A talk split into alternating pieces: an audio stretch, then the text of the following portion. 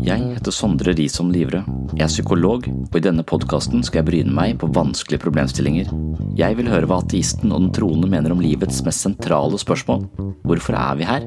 Hva er meningen med livet, og hva skjer når vi dør? Hvordan har alt blitt til, og når skjedde det?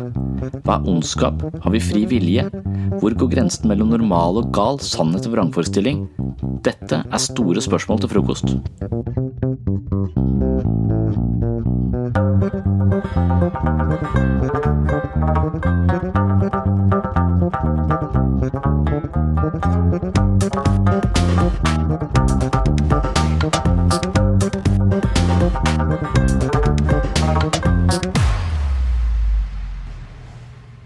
Velkommen til episode tre av Store spørsmål til frokost.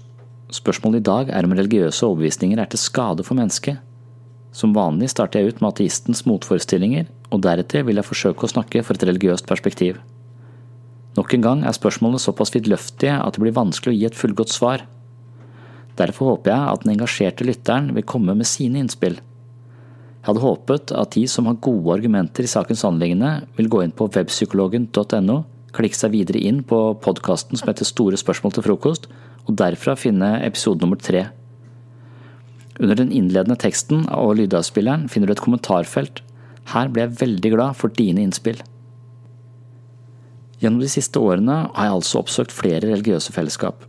Noen ganger er det i frikirkelig sammenheng, jeg har en del familie som holder til i Misjonskirka, og jeg har på sett og vis vokst opp med et ganske sånn alminnelig, sånn passe distansert forhold til statskirken noe jeg har vedlikeholdt med giftermål, dåp og kirkelappskaus i mitt voksne liv. Etter at jeg la fra meg den innbitte ateisten, er mine erfaringer forholdsvis positive. Spesielt i de mindre menighetene opplever jeg mange særdeles hyggelige mennesker som har mye fokus på barn og et inkluderende miljø. Jeg føler meg godt mottatt, og det er sjelden at noen spør meg direkte om jeg tror på Gud. Kanskje tar de det for gitt siden jeg deltar i menighetens aktiviteter. I menigheten opptrer barna med dans, sang og drama. De høster applaus fra menigheten, og som psykolog ser jeg små mennesker som strutter av selvtillit. De er i fokus og øver seg på å opptre på livets arena i svært trygge omgivelser. Så vidt jeg kan bedømme, er det godt å være barn i Misjonskirka i Farsund eller Frikirken Øst på Gimlekollen i Kristiansand. Derimot er det ikke så godt å være meg i disse situasjonene. Jeg får dårlig samvittighet fordi jeg har brukt så mye energi på å kritisere religion. Det jeg ser foran meg, er tilsynelatende bare godt. De samler inn penger til Plan fadderbarn, selger lodd til inntekt for sultkatastrofer og snakker om å gi til de som har lite. Kanskje kan man være kritisk og si at de kjøper seg god samvittighet, men jeg opplever dem som genuine, og jeg synes flere av barna har et ganske reflektert forhold til fattigdom og urettferdighet. Dette kan umulig være skadelig. Mens barna synger at eh, Jesus er min Supermann, tenker jeg på mitt siste innlegg i lokalavisa hvor jeg kritiserte bønn som vanlig med en del sarkasme og en undertone som antyder at alle som tror på bønn, er dumme. Dette spørsmålet plager meg denne kvelden. Er religion egentlig skadelig? Etter dagens danseopptreden i Frikirken er jeg kommet i tvil. Hvis religion er helt uskyldig, noe man kan få inntrykk av etter en ettermiddag i Frikirken, dersom man ser bort fra pastorens ladede preken, er motstand mot religion et bortkasta prosjekt. Jeg bruker kvelden på å tenke gjennom mine religionskritiske begrunnelser, om ikke annet for å dempe min egen dårlige samvittighet. Man finner troende mennesker i alle fasonger, og mange av dem er overrasket over ateismens sterke motforestillinger mot religiøs troslære. De lurer på hvorfor deres åndelige overbevisning vekker slik harme. Når alt kommer til alt, er vel troen på det åndelige en ganske uskyldig affære, selv om det skulle vise seg å være feilaktig. Ingen tar skade av veldedighet, dansegrupper for barn og bibelsk retorikk av det vennlige slaget. Den åpenbare skaden. Etter en hyggelig dag i Frikirken er det vanskelig å se at religion er skadelig, men jeg føler likevel et slags ubehag som lurer under den vennlige overflaten. Mine tanker tar meg fra de mest åpenbare skadene ved religion og hen til de mer subtile konsekvensene. Helt i ytterkanten av kontinuumet over skadelige konsekvenser av religiøse overbevisninger finner vi jihadistene som sprenger seg selv i lufta med viten og vilje. Selvmordsbomberen går selv i døden for muligheten til å drepe de vantro. Så vidt jeg forstår, tror selvmordsbomberen at de transporterer seg selv ut av en verdslig og håpløs tilværelse på denne måten, og gjennom en slags religiøs heltedåd blir martyr. En martyr som gjennom en bombastisk troshandling har kvalifisert seg selv for evighet i paradis. La oss håpe at slike forferdelige gjerninger forblir en sjeldenhet, og jeg anser det som svært usannsynlig at dansegruppa i Frikirken fostrer opp selvmordsbombere, snarere tvert imot. Litt lenger fra ytterkanten finner vi sekter med tilbøyeligheter til selvmord og mord. Handlingene motiveres som regel av ideen om at livet etter døden har mer å tilby enn deres jordlige tilværelse.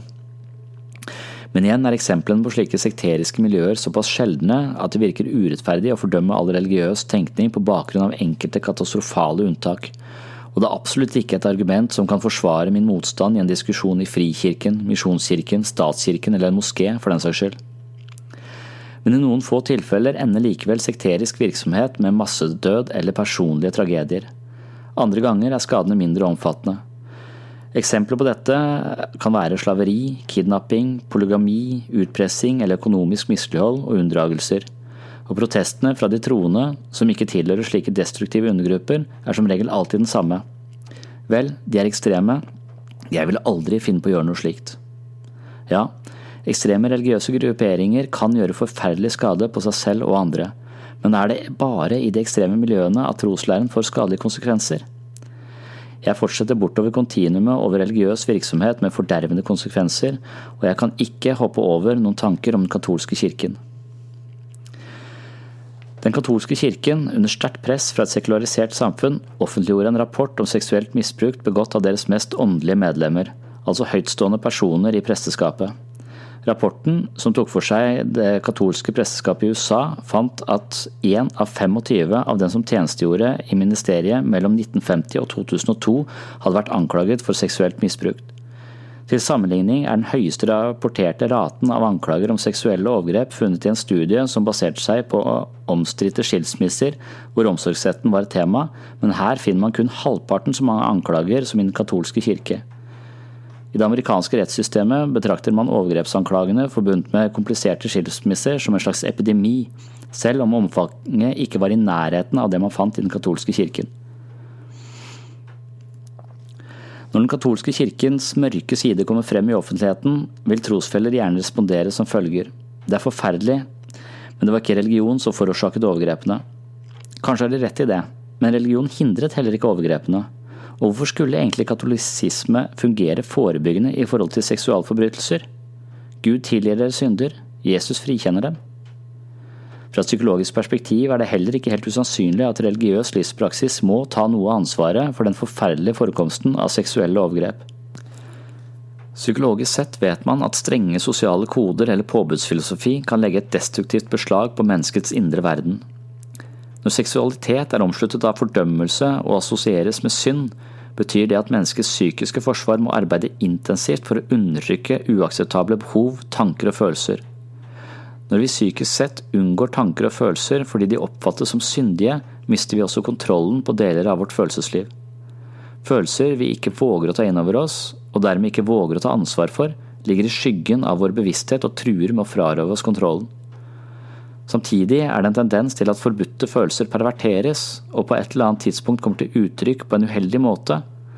Seksuell undertrykkelse er sannsynligvis ikke helt uvanlig blant katolske prester som tilstreber en renhet i tanke og handling, og kanskje er det slik at bivirkningene er undertrykte impulser på avveie.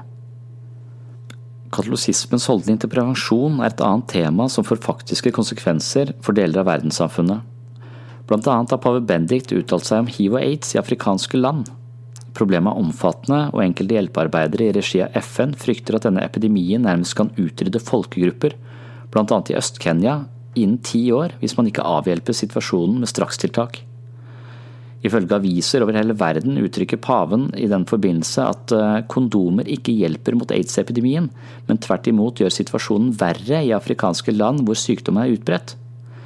Så vidt meg bekjent er det veldokumentert at kondomer er det prevensjonsmiddelet som kan beskytte mot hiv og aids, men katolisismen og abrahamsreligionene har alltid sett med strenge øyne på seksuell utfoldelse, hvorpå deres anbefalinger går i retning av å unngå samleie. Kondomer er neppe en anordning som demper samleiefrekvensen, hvorpå den i enkelte religiøse sammenhenger får et forbudstempel. Mange misjonærer har også hatt med seg dette budskapet på sin velmenende reise rundt om i verden. Hensikten er sannsynligvis god, men det religiøse tankegodset som ligger i bunn kan få alvorlige følger, og i denne sammenhengen er det afrikanere som dør av aids. Katolske prester rigger seg ikke til med bomber eller flyr inn i skyskrapere, men handlinger som Gud enten oppfordrer til eller ikke forhindrer, skjer hele tiden. Den subtile skaden Selv om det er gjort mange vanvittige ting i Guds navn, kan ikke de grusomme handlingene i seg selv rettferdiggjøre ateistens harme. Det er langt mer snikende og subtile egenskaper ved religion som vekker ateistens forbitrelse. Dersom religiøs orientering bare fungerer som en slags mental hobby, er det kanskje liten grunn til bekymring. Men etter hvert som jeg nærmer meg de mer subtile konsekvensene av religion, er det spesielt to underliggende onder mitt forholdsvis sekulære sinnlag reagerer på. Det første er viljen til å overse eller tone ned de ekstreme eksemplene. Muslimer over hele verden kan si at de ikke støtter voldelig jihad når de blir spurt, men altfor ofte avviser de ekstremistene som avvikere uten å gjøre noe mer. Hvis noen tar på seg ditt navn, din kappe, din tittel og din tro og handler på måter du mener strider imot grunnprinsippene i troen, hvorfor i Guds navn hevder man ikke deres utroskap på en myndigere måte? Når man ignorerer grusomme ugjerninger i egne rekker, er det ikke bare ødeleggende for fellesskapets åndelige praksis, men kan også betraktes som en slags stilltiende aksept. Legeforeningen vil eksempelvis aldri godta at et medlem bedrev uforsvarlig eller skadelig behandling uten å reagere med sanksjoner. Også blant kristne protestanter finner man eksempler på dobbeltmoral og hykleri. Spesielt i USA har mange religiøse kjendiser demonstrert total mangel på moralsk dømmekraft. Prostitusjon, narkotika og gambling har vært blant de mest omtalte skruplene blant disse. Eksempler på de falne er eh, Jim Backer, Jimmy Swaggart og Pat Robertson. Backer er en kjent TV-evangelist som eh, ble suspendert fra sin stilling pga. sexskandaler. Han ble siden dømt for økonomisk kriminalitet, fengslet og skilt. Senere giftet han seg på nytt og dukker igjen opp på TV-skjermen som en frelsende pastor. Jimmy Swaggart er også en pastor som når ut til millioner av mennesker gjennom TV-sendinger. Han ble avslørt i omgang med prostituerte. Først benektet han beskyldningene, men siden tilsto han og angret sine synder foran et stort publikum. På et senere tidspunkt ble han nok en gang oppdaget sammen med en prostituert.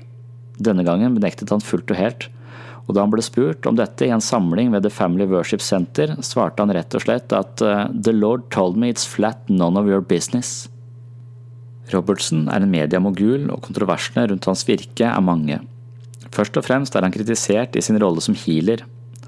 Han har påstått at enkelte protestantiske kirkesamfunn bebor antikrist i sin ånd. Han mener han kan stoppe orkaner ved hjelp av bønn. Han har fordømt hinduisme som demonisk og islam som satanistisk. I tillegg fordømmer han feminisme, homofili og abort. Robertson hadde også økonomiske bånd til tidligere president Charles Taylor av Liberia og Mobute Sese Seko av Zaire. Begge internasjonalt fordømt for sine menneskerettighetsbrudd, og veldig mye mer. I Norge har vi selvfølgelig også en rekke personligheter som bærer frem det kristne budskap på omstridt og kanskje direkte skadelig vis. Jan Åge Torp er pastor i den frikirkelige pinsemenigheten Oslokirken. Han er kjent for omstridte synspunkter og har sine røtter i den såkalte vekkelseskristendommen. NRK tar av og til opp Torp sine utsagn, og blant annet ble det kjørt en debatt om djevelutdrivelse i beste sendetid. Pastor Torp uttrykker at han har erfaring med demoner, og at han ønsker å tilby sine tjenester til både hardbarka satanister og demonbesatte personer, eller rett og slett til alle som måtte trenge en slik renselse. Han legger til at eh, åndene eller demonene sannsynligvis er mindre synlige i en vestlig rasjonell tilværelse. Derfor er det vanskelig å si hva som kjennetegner manifestasjon av demoner i vår kultur, forteller han i nyhetsprogrammet. Som psykolog blir man bekymret over slike utspill, da det åpenbart representerer et problem med hensyn til differensialdiagnostikk mellom psykoselidelse og demonbesettelse. Evangelist Ove Jan Ludvigsen fra Lista er en annen uttrykksfull pastor som uten en skygge av tvil forfekter at homofile er besatt av demoner og risikerer evig fortapelse i helvete dersom de ikke omvendes. Saken var gjenstand for mye debatt da den fikk spalteplass i Fedrelandsvennen i 2007. Ja, det mener jeg. Homofili er ren og klar demonbesettelse. Ingen annen enn Satan kan føre mennesker inn i slike handlinger. Tydeligere får jeg ikke blitt, uttaler Ludvigsen og sannsynligvis er det vanskelig å bli tydeligere enn det han er i denne uttalelsen. I en liten bygd på Sørlandet sitter helbredelsesevangelisten Svein Magne Pedersen i spissen for misjonen Jesus leger. Han har opparbeidet seg millioninntekter på helbredelse over telefon. Han tjener gode penger på sine åndelige bedrifter, og sitatet for det er lettere for en kamel å gå gjennom et nåløye enn for en rik mann å komme inn i Guds rike, synes ikke å bekymre han nevneverdig. Alle disse menneskene taler Guds ord i en eller annen fasong. Noen av dem begår både moralske og etiske overtramp, men igjen er det misvisende å anta at religiøse overbevisninger henger sammen med ugjerningene. Samtidig som man gang på gang legger merke til at religion heller ikke stanser disse menneskene i sine ildgjerninger. Å trekke frem enkeltpersoner eller bestemte religiøse samfunn tjener ikke seg selv noe godt argument for ateisme. Motargumentet er enkelt å like frem. Ofte nevnes både Lenin, Stalin, Hitler, Pol Pot og Mao som eksempler på ateister med spekulative eller direkte onde hensikter. Få vil benekte at de nevnte personene har noen hjerteløse meritter, men at det skyldes mangel på religion er langt ifra sikkert. Det som kjennetegner de nevnte personene, er ikke først og fremst deres ateistiske ståsted, men at deres politiske regimer var basert på dogmatiske perspektiver, og deres personlige drivkraft sannsynligvis handlet mer om eh, behovet for makt enn eh, altruistiske velferdsideer. Den første av de mer subtile skadeeffektene jeg vil frem til, handler om tendensen til å overse det faktum at moralske og etiske berømtheter er like disponert for eh, karaktersvakheter som eh, vel eh, vanlige folk. Det dreier seg altså om tendensen til å ignorere løgn og hykleri. Vi kan være raske til å rakke ned på politikere og stemple dem som ambisiøse mennesker drevet av begjær etter makt og penger. Men i religiøs sammenheng synes mennesker generelt sett mindre villige til å utsette sine åndelige ledere for tilsvarende analyser. Når en predikant eller et kirkesamfunn blir eh, rike og mektige, ser det ut til at eh, lojale tilhengere raskt overser hvordan eh, pengene brukes eller hvordan makten utøves. En lignende innsigelse gjelder på sett og vis i et samfunnsperspektiv. Det er akseptabelt å kritisere politiske holdninger, men det anses som sjofelt å kritisere menneskers tro. På den måten blir religion til dels skånet for kritikk og åpen debatt, noe som gir eh, spillerom for de mer ekstreme undergruppene, og ikke minst eh, maktsyke og grådige guruer. Hvis du virkelig er ute etter å tjene mye penger, tror jeg du er på riktig spor dersom du starter din egen religion. Følelsesspråket I den frikirken jeg har besøkt, er pastoren flink til å snakke, og jeg er tilbøyelig til å la meg fascinere av dette. Likevel er det noe med atmosfæren han skaper med sine talegaver og personlige karisma som setter meg på sporet av neste argument. Den andre av de mer subtile skadene som jeg vil trekke frem av eh, ateisthatten, handler mest av alt om måter å tenke på. Et sekularisert sinnlag vil ofte beundre kritisk tenkning og refleksjon.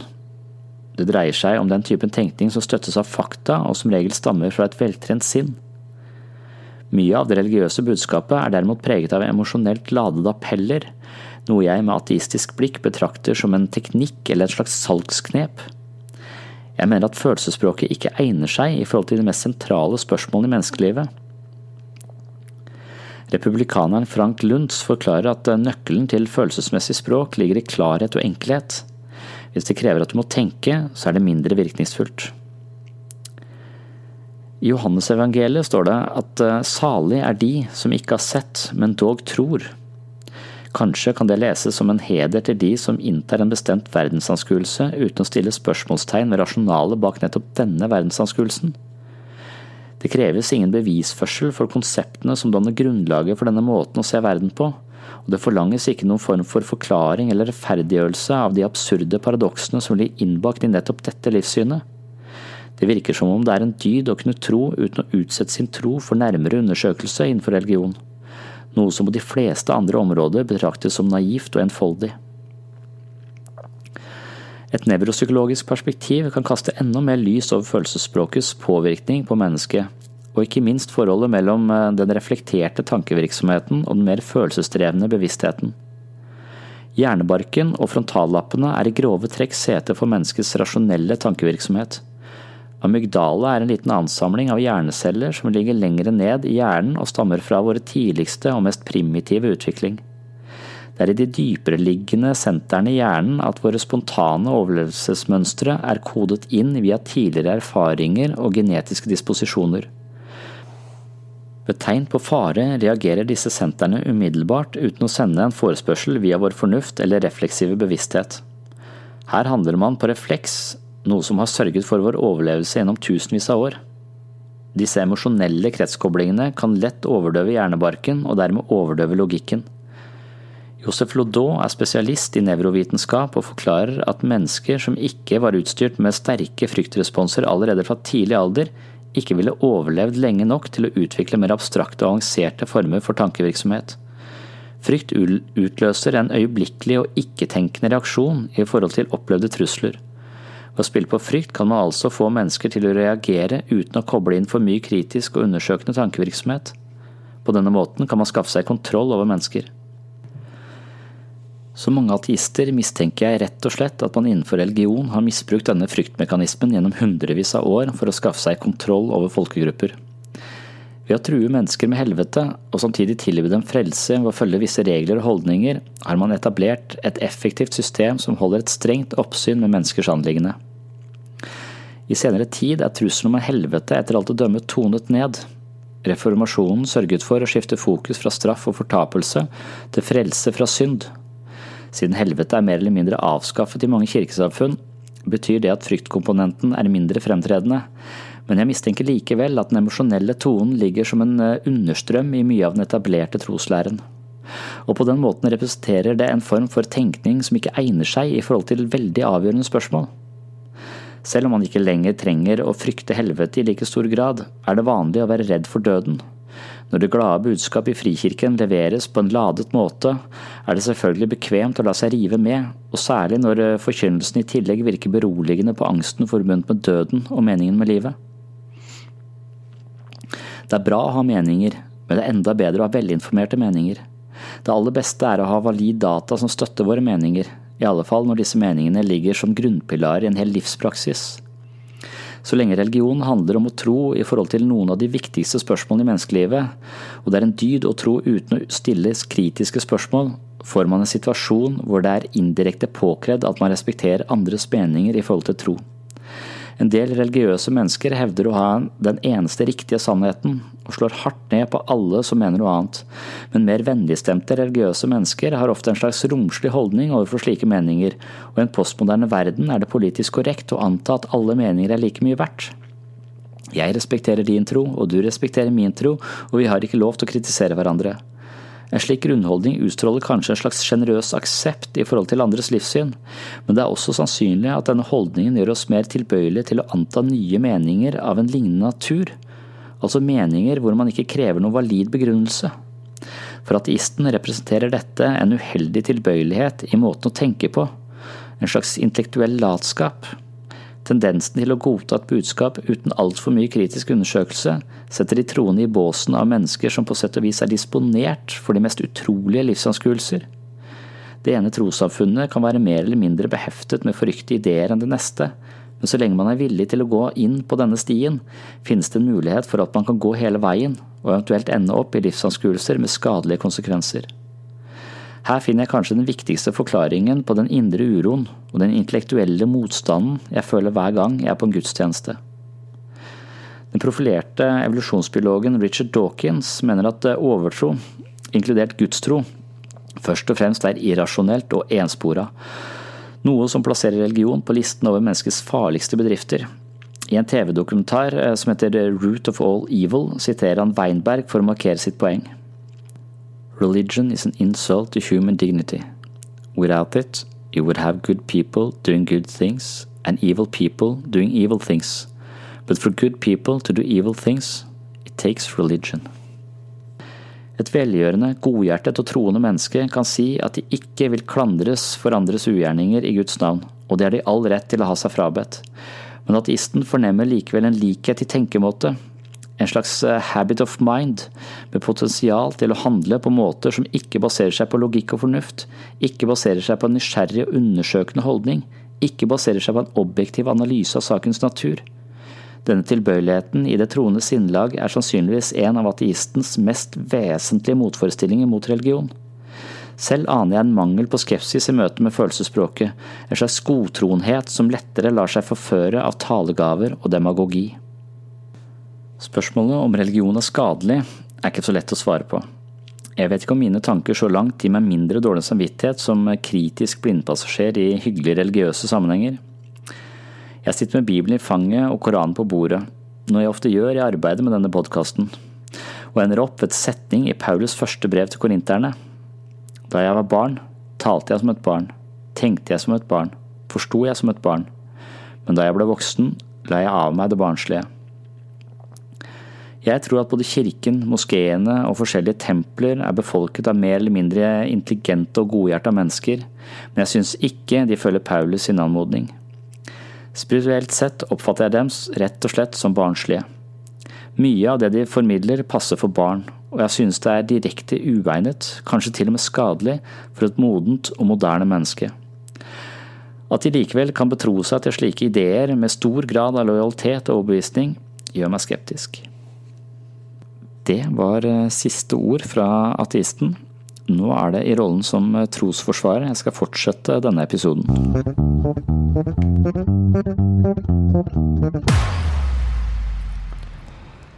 Et dårlig argument. Nå har det gått mange måneder siden jeg tenkte de tankene som er gjengitt i første del av denne episoden.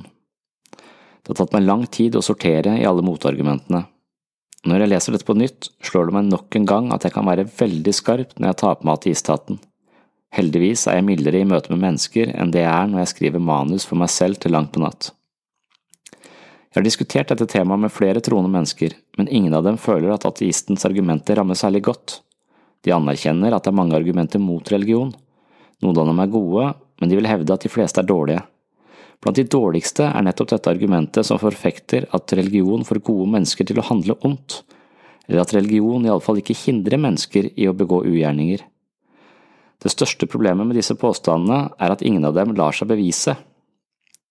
Når jihadisten sprenger en bil eller en bygning, er det lett å skylde på islam, men det er mange mennesker som begår massemord uten å skylde på religion.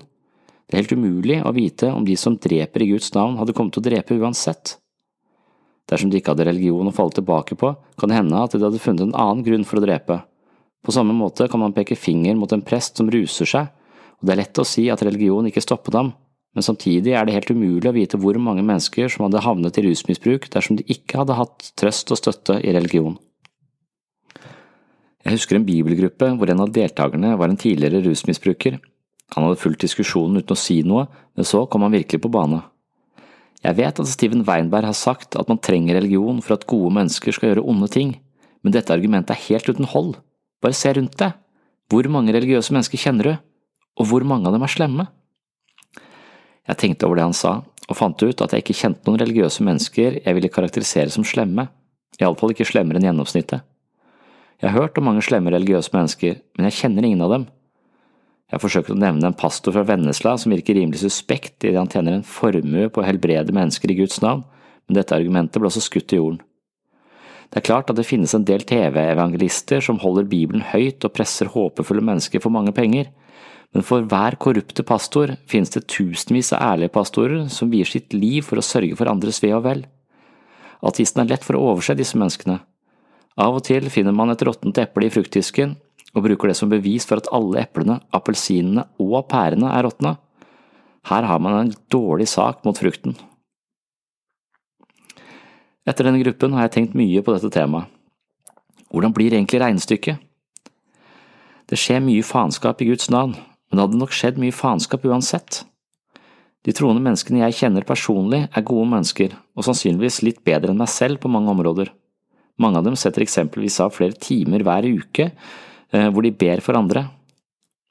Med andre ord bruker de tid på å tenke på noen andre enn seg selv. Man kan innvende at de gjør dette for å score ekstrapoeng for å komme bedre ut av det ved oppgjørets time, men jeg opplever at de fleste ser på godhet for andre som et viktig livsprinsipp, og ikke først og fremst som en billett til et himmelrike. Uansett hva som motiverer dem, synes jeg det er noe prisverdig over deres omtanke for andre. Det er også noe prisverdig over hvordan de prioriterer tiden sin i forhold til hva de gjør for seg selv og hva de gjør for andre. I bønn tenker de på andre, og noen tror at det er mulig å bli bønnhørt, og sånn sett er det rimelig å bruke tiden sin på denne måten, men deres gode gjerninger stopper ikke her. I Frikirken samler de inn overskuddsmat fra dagligvarebutikkene og gir maten til de som har få midler til å kjøpe mat selv. Dette gjør de flere ganger i uken, og det er et stort apparat av hjelpere som skal til for å administrere denne operasjonen i Kristiansand by. Og dette skjer på fritida. Når alt kommer til alt, så vet jeg ikke nok om dette regnestykket til å sette to streker under svaret, men det finnes noe forskning på området som har vært medvirkende til at mine holdninger har endret seg. Det viser seg at det er 25% mer sannsynlig at en religiøs person gir penger til veldedighet. Mange vil hevde at kristne misjonærer har gjort mer for utviklingsland enn noen andre. Over hele verden finnes det millioner av suppestasjoner, hospitser og andre veldedighetstiltak i regi av de troende. Som ateist har jeg alltid forsøkt å kontre disse argumentene ved å poengtere at man bør gjøre gode gjerninger uansett hva man tror på, men statistisk sett så gjør man ikke det. Sannsynligvis er det også ganske ignorant å dømme troende mennesker fordi de virker passive overfor de som gjør ugjerninger på vegne av deres felles tro. Majoriteten av muslimer vil si at de fordømmer jihadister, men de gjør kanskje ikke så mye for å stoppe dem. Men hva skal de egentlig gjøre? De kan heve sin røst og ta avstand fra det som foregår av ugjerninger, og det gjør de vel også, men dersom samfunnet krever at muslimer som gruppe har ansvar for å stoppe selvmordsbombere, er det vel litt mye å be om. Det er vel strengt talt heller ikke noe veldig god idé. Vi har ordnet oss med et politi som skal stoppe lovbrytere, slik at man unngår at eh, folk flest håndhever sin egen versjon av loven. Det er heller ikke sånn at religiøse mennesker er koblet til en felles tenketank hvor de har muligheten til å stoppe mennesker på villspor eller psykopater som tilfeldigvis tror på det samme som de tror på. Det viktige spørsmålet Det skjer grusomme ting i verden. Mange av grusomhetene begrunnes i ulike livssyn og ideer. Det viktige spørsmålet blir således om begrunnelsene for handlingene er gode eller dårlige. Spørsmålet er om tankegodset som motiverer for drap og overgrep er sant eller falskt. Det er kanskje en sinnssyk tanke, men la oss si at jihadistene har rett. Gud har bedt dem om å omvende alle ikke-troende, og de som nekter, skal drepes. I så fall gjør de ikke noe annet enn det de blir bedt om av selveste Gud, og siden Han er allmektig, gjør de vel det eneste riktige. I et slikt scenario er det de vantro som er onde fordi de nekter å konvertere. Handlingene er forferdelige, men det er motivene bak handlingene vi må vurdere. Dersom vi avviser en religion på bakgrunn av selvmordsbombere eller en overgrepsskandale i den katolske kirke, gjør vi oss skyldige i et såkalt ad hominem-argument, eller et personangrep. Dette regnes som en tankefeil hvor en søker å tilbakevise et argument ved å gå til angrep på den personen eller organisasjonen som fremsetter argumentet, istedenfor å tilbakevise selve argumentet. La oss si at en kristen mann forteller deg at Jesus sto opp fra de døde, og du vet at mannen som forteller om Jesus banker kona si med jevne mellomrom. Man kan mene at denne mannen er en dårlig ektemann, og ikke minst en dårlig kristen, men det han sier om Jesus trenger ikke å være feil fordi han er en konemishandler. Jeg opplever ofte at motstandere mot religion argumenterer på denne måten. De snakker om dobbeltmoral og hvordan troende mennesker drikker på lørdagen og ber om tilgivelse på søndagen. Selv om vi kan peke på menneskers manglende karakterstyrke, kan vi ikke diskvalifisere argumentene deres på grunn av det.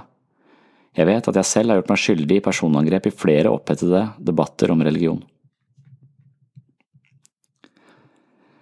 Det selvmotsigende argumentet En del av forsvaret for tro er såpass innfløkt at jeg synes det er vanskelig å begripe.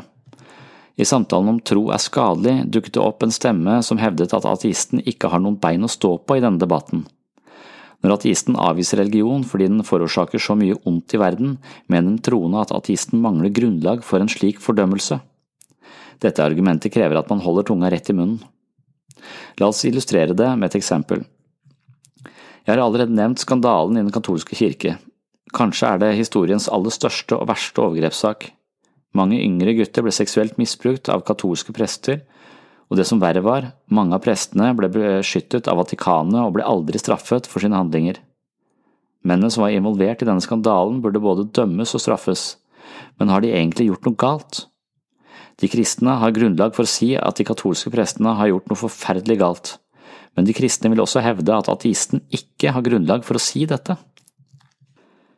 Dersom vi tar Gud ut av bildet, mener mange av de troende at vi kommer til å gå moralsk konkurs, det er imidlertid sannsynlig at evolusjon har selektert for noen trekk som sørger for at vi klarer å samarbeide, og det vil være ateistens argument.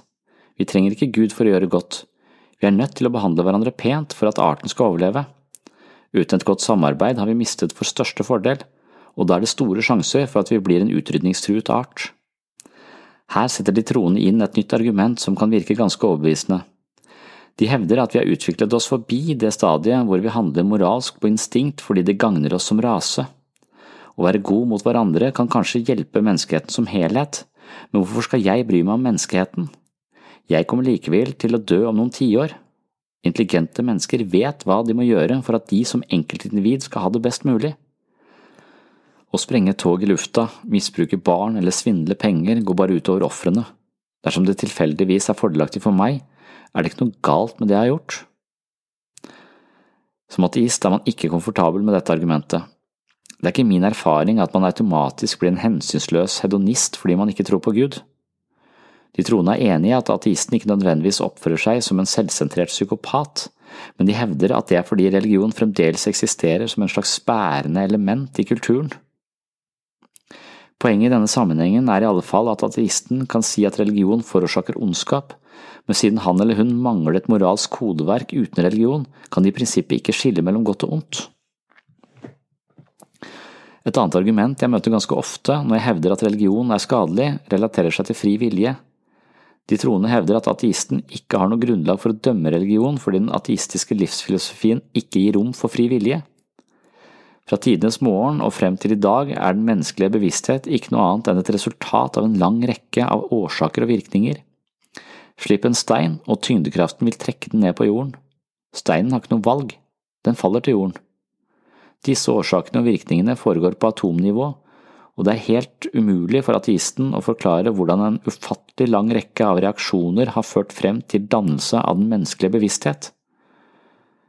Og det er i alle fall vanskelig å forklare hvordan vår bevissthet skal ha klart å bli så sofistikert at den hever seg over kausalitetsprinsippet for å bestemme selv. Så lenge alt i naturen baserer seg på årsak og virkning, vil bevisstheten vår også være underlagt disse naturlovene, og da forsvinner fri vilje. Vi påvirkes, og vi reagerer på disse påvirkningene. Det vi opplever som fri vilje, er bare en illusjon vi kaller valg. Hver eneste tanke og handling vi foretar oss, er bare et resultat av en lang rekke irrasjonelle årsaker og virkninger. Denne reaksjonsrekken startet lenge før oss, og vi har ingen muligheter til å forandre det. Den troende hevder dernest at ateistens eneste alternativ er determinisme. Determinisme betyr altså at eh, alt er årsaksbestemt. Alt som skjer er bestemt av tidligere tilstander. Og her setter de inn det virkelige støtet. Ateisten kan ikke fordømme en religiøs fanatiker som dreper hundrevis av mennesker, mer enn han kan fordømme en tornado som tar livet av like mange. Både tornadoen og selvmordsbomberen er forårsaket av universets krefter. Den eneste forskjellen er at årsaksforholdet bak selvmordsbomberen er litt mer komplekst. Ergo har ikke ateisten noe bein å stå på i denne debatten. Grusomme handlinger kan ikke skyldes religion. Ateistens fordømmelse faller på en slags filosofisk urimelighet. Etter denne samtalen er jeg mildt sagt forvirra. Ofte får jeg høre at religiøse mennesker ikke føler at de kjenner seg igjen i mine argumenter mot religion. De forstår hva jeg sier og mener, men føler at det blir fremmed. De synes ikke at det rammer den måten de tror på. Nå skjønner jeg hvordan de har det. Jeg kan forstå argumentene som sier at jeg ikke har noe grunnlag for å dømme verken selvmordsbombere eller tornadoer, men de gir ingen opplevelsesmessig gjenklang. Jeg føler meg litt fremmedgjort og misforstått, selv om jeg antar at argumentene er ganske gode. Min opplevelse er at jeg har en fri vilje, og som psykolog mener jeg at mennesker nettopp kan dra veksel på sin frie vilje for å heve seg over en vanskelig barndom, arv og miljø. Vi kan bryte mønstre og leve annerledes. Noen ganger tenker jeg at de som lider mest, er de som har minst fri vilje. Det er de som gjentar gamle mønster og blir et offer for sosial arv uten at de klarer å bryte med sin fortid. Mønstrene er så inngrodde at vi ikke legger merke til at de gjentar seg. Her mener jeg at vi kan tematisere mønstrene, gi dem et språk og dermed ta kontroll over automatikken. Jeg tror at årsak og virkning er noe som gjør seg gjeldende når vi lever ubevisst, ved hjelp av språk og innsikt kan vi løfte oss selv opp fra determinisme og praktisere fri vilje. Det er gjennom språket og selvbevissthet at vi kan heve oss over kausalitet og bli en langt mer selvstendig aktør i eget liv. Dette er kort fortalt en del av grunntanken i flere psykologiske skoler. På en slik bakgrunn vil jeg hevde at fri vilje er noe vi har mer eller mindre av. Jeg vil ikke avvise fri vilje, selv om jeg kanskje karakteriserer meg selv som en ateist. Det betyr altså at jeg bedriver en form for filosofisk dobbeltmoral fordi jeg ikke tar konsekvensen av mitt eget livssyn, noe jeg har fått høre mange ganger i disse debattene. Noen ganger tenker jeg at eh, de egenskapene bibelgruppa tilskriver Gud, ligner de egenskapene jeg tilskriver språket, men dette er et tema jeg kommer tilbake til senere. Er religiøse overbevisninger skadelig? Det var det opprinnelige spørsmålet i denne episoden før vi blandet oss inn i filosofiske spissfindigheter. Jeg vet ikke hvordan du som lytter stiller deg til dette spørsmålet, men for min egen del føler jeg magefølelsen på dette området. Som hardnakket ateist hevdet jeg at religion var direkte skadelig. Etter min lange reise innenfor ulike religiøse fellesskap har jeg endret oppfattelse. Jeg tror fortsatt ikke på Gud, men jeg tror at fordelene ved religion overgår ulempene, og dermed går regnestykket i religiøs favør. Det var siste ord i dagens episode. Har du noen meninger om dette temaet, vil jeg veldig gjerne høre dem. Jeg oppfordrer alle engasjerte lyttere til å fortsette debatten i kommentarfeltet under denne episoden. Det vil si at du klikker deg inn på webpsykologen.no, finner frem til podkasten som heter Store spørsmål til frokost, og derfra peiler deg inn på dagens episode, som er den tredje i serien. I kommentarfeltet nederst på siden er det god plass til å formidle egne meninger. Ellers vil jeg takke deg for at du hører på Store spørsmål til frokost, og håper at du henger med i neste episode hvor ateisten stiller nok et kritisk spørsmål. Trenger vi egentlig religion? På gjenhør. Thank